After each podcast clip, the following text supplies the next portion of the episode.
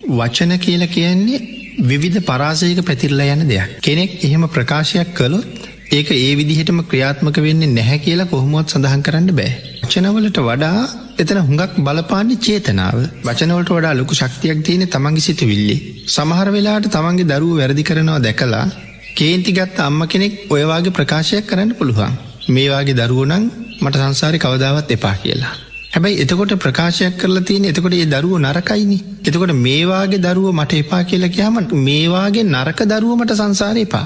එතකොට එහෙම ප්‍රකාශ කරහම එයාට හොඳ පුුණ්‍යවන්ත දරුව ලැබෙන්ට පුළුවන් ඒක නවතින්නේ නෑ ඒ තමන්ගේ කුසල ශක්තියත් එක තමයි ඒක වෙන්නේ. මේ දරුවෝ කියන ජාතිය කවදාවත් සංසාර මට එපා කියලා ප්‍රාර්ථනා කිරුවොත් සමහරලාට කිසිම දරුවෙක් ලැබෙන් නැතිවෙන්න පුළුවන් නරක දරුව පාකිවුත් හොඳ දරුව ලැබෙන එක නවත්තන්න නවතින්නේ නෑ හොඳ දරුව ලැබෙනවා එතකොට ම මුලින් සඳහන් කලා අනික චේතනාව තමයි මෙතන බලවත්කම තියෙන කිය වචනයෙන් කියන එක නෙමේ වෙන්ඩ පුළුවන් හිතේ තියෙන එක එකට අපේ අට්ට කතාව තියෙන එක කතාව එක අම්ම කෙනෙක් තමන්ගේ පුතාට කියනවා කැලේට යන්න එපා කියලා. පුතා අම්ම කියන දේ අහන්නැතුව කැලේට යනවා. අම්ම එහින්ද පුතාට කියනවා මං කියන දේ අහන් නැතුව යන ඔබට කැලේදී වලහම කාපන් කියලා. පුතා කැලේ යනකොට ඇත්තටම වලහෙක් ඉස්සරහටෙනවා. එයාට මතක් වෙනවා අම්ම කියපු කතාව.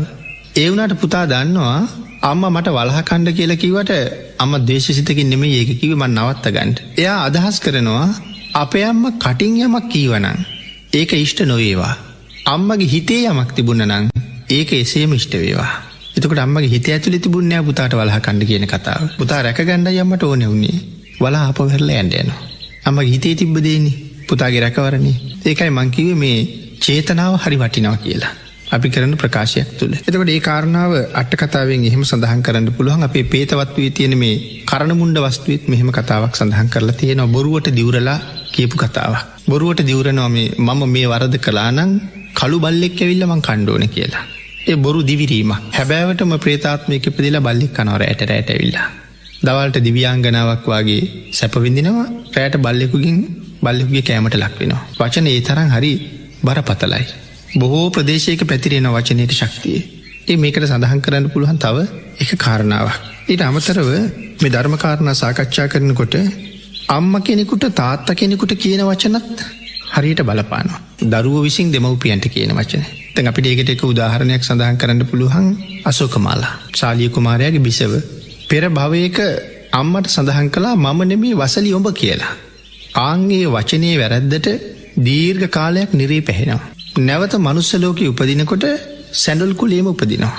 අම්මට සැඩලි කියපු නිසා තැ මමන මේ සැඩල් ඔබයි කියපු නිසා සැඩල් කුලේකම ඉපදෙන්නේ. එතකොට අසෝකමාලත් සැඩුල් කුලි. බොහෝම ලස්සන රූපයක්. සඳහන් කරන්නේ රැස් විහිදෙන රූපයක් තිබුණ කියලනි. සාලිය කුමාරයක් තාපෙට හේත්වෙලා ඉන්නවා දැකලා අහන්නේ ඊයේ හැන්දෑව මෙතන අබල තිබිච්චි නැති ප්‍රතිමාව එලිවෙනකට ඇඹුවේ කවුද කියලා. පිළිමයක් වගේ දකින්නේ. නමුත් සැඩුල් කුලේ. ඉතින් ඒයට අම්මට කියාපු වචනේ. අම්මත් එක ගිහිල බෝමලු අතුගාල පිරිසිදු කරලා ඒකරපු පින් නිසා මේවාගේ ලස්සන ජීවිතයක් ලැබුණ රූපයක් ලැබුණ නමුත් අරවාගේ වචනය එවිදිහට බලපෑව. අපේ ශාසන හිදිය අම්බපාලි කියලා රහත් මෙහිනින් වහසෙනම. ඇය පෙර වෛශ්‍යාව. ඇය වෛශ්‍යාවක් බවට පත්වෙන්නේ කාශ්‍යප භාග්‍යතුන් වහසගේ ශාසනය පැවිදි වෙලා හිටිය. උපසම්පදා භික්ෂුණීන් වහසෙනම. භාග්‍යතුන් වහසගේ ධාතුන් වහස තැන්පත් කරපු චෛත්‍යමලුව හොඳට ඇමදලා බුද්ධ වන්දනාවට කලින් තමන් ශරීරයේ පිරිසිදු කරගෙනෙන්ට ගියා. ඒ එනකොට රහත් මෙහිනින් වහන්සේලා චෛත්‍ය ප්‍රදක්ෂිනා කරනවා. එක රහතන් වහන්සේ නමකට කිවිසුමක් ගියා. ඒ යනකොට දැක්ක නැතුව මළුව වැටුන කෙල ටික. නමුත් අර මළුව පිරිසිදු කරපු භික්ෂණීන් වහන්සේ මළුවට ඇතුල්ලෙනකොට මේ කෙලපිඩ වැටිල තියනවා දැක්කා. ඇයට කේන්ති ගියා. මළුව පිරිසිදු කරලා නිසා. ඒටි කාරගෙන විසි කරන ගමන්ගහ මොන වෛශ්‍යාවද මළුව කෙළගෙහුව කියලා. ආන්ගේ රහත් මෙහෙණින් වහන්සේ නමකට කියපු වචනේ. වැරද්ද නිසා නිරේත් ඉපදිලා එතනින්දල මනුස්සලෝක ඉපදෙන ආත්මෝල වෛශ්‍යාවක් කැටියටම ඉපදුනා.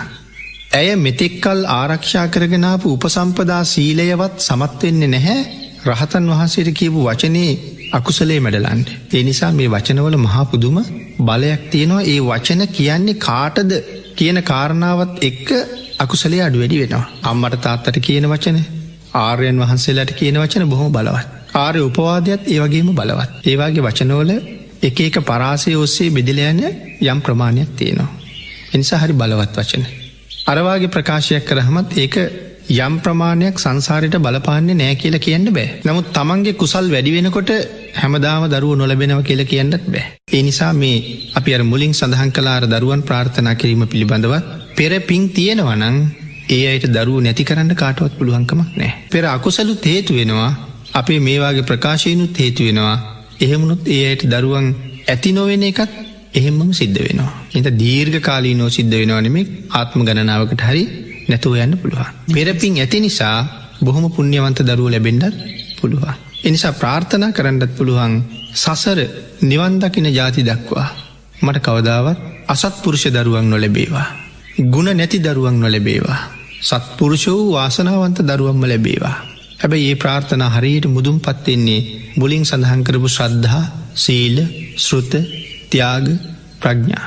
මේ පංච ධර්මය මත පිහිටලා කරනවනං යම් ප්‍රාර්ථනාව ඒක ඉතාම ඉහලින් මුදුම් පත්වෙනවා.